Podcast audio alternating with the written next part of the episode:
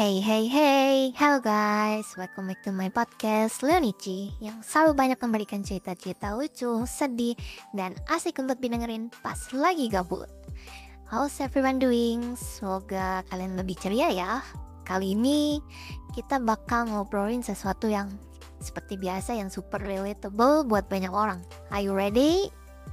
So, guys, hari ini gue mau cerita tentang jangan memendam perasaan suka Trust me guys, buat kalian, diri kalian sendiri, teman kalian, saudara, atau yang pokoknya yang lagi suka sama seorang tapi nggak bisa mengutarakan pendapat. So lebih baiknya kalian tegur untuk segera dengerin podcast gua kali ini. Ini bakal jadi sesuatu yang bisa mengubah, setidaknya menegur lah ya. So sit back and let's dive in.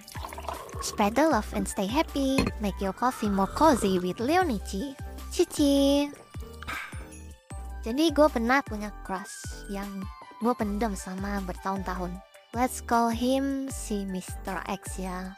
Not like Twitter or Elon Musk, sorry nyebut merek, tapi ini kita samarin aja Mr. X itu. Dia itu tipe yang perfect banget di mata gue. Charming, pinter, dan lucu. But here's the catch gue gak pernah berani ngomongin perasaan gue ke dia. Why? Karena gue takut kalau dia tuh gak suka balik, guys. It would ruin everything. Setuju dong ya. Tapi takut, ya takut ditolak. Itu normal ya. Jadi di sini nih kita mau bahas yang lebih dalamnya. Jadi ceritanya gue jadi kayak detektif pribadinya nih, stalking dia di semua sosial media nge-like foto-fotonya tapi nggak pernah berani komen ya kan gue bahkan nulis diary tentang dia guys. It was like super intense banget.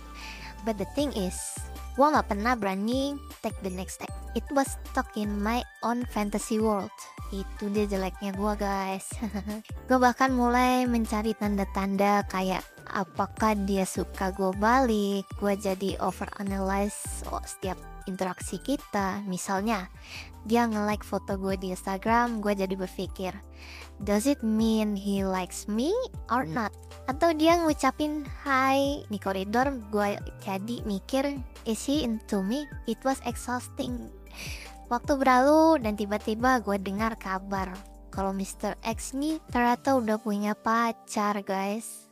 It feels like a punch in the gut. Gue jadi merasa nyesel dan bertanya-tanya, what if gue udah ngomongin dari dulu? Could things have been different?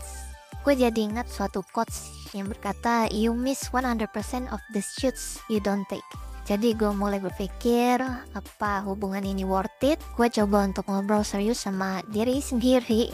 Agak weird tapi ya gitulah ya. Gue bilang look if he really likes him you have to at least try lah. Gak ada gunanya memendam perasaan kalau gak ada tindakan. Setuju kan? And guess what? It was a wake up call for me setelah itu gue jadi lebih berani untuk mengungkapin perasaan gue Tidak hanya dalam hal cinta tapi juga dalam semua aspek kehidupan. Gue jadi lebih berani untuk speak up Untuk menjadi diri sendiri dan untuk mengambil resikonya. And you know what? It feels like yeah some things make me happy lah Some things yang membangun diri gue Dan itu benar gitu.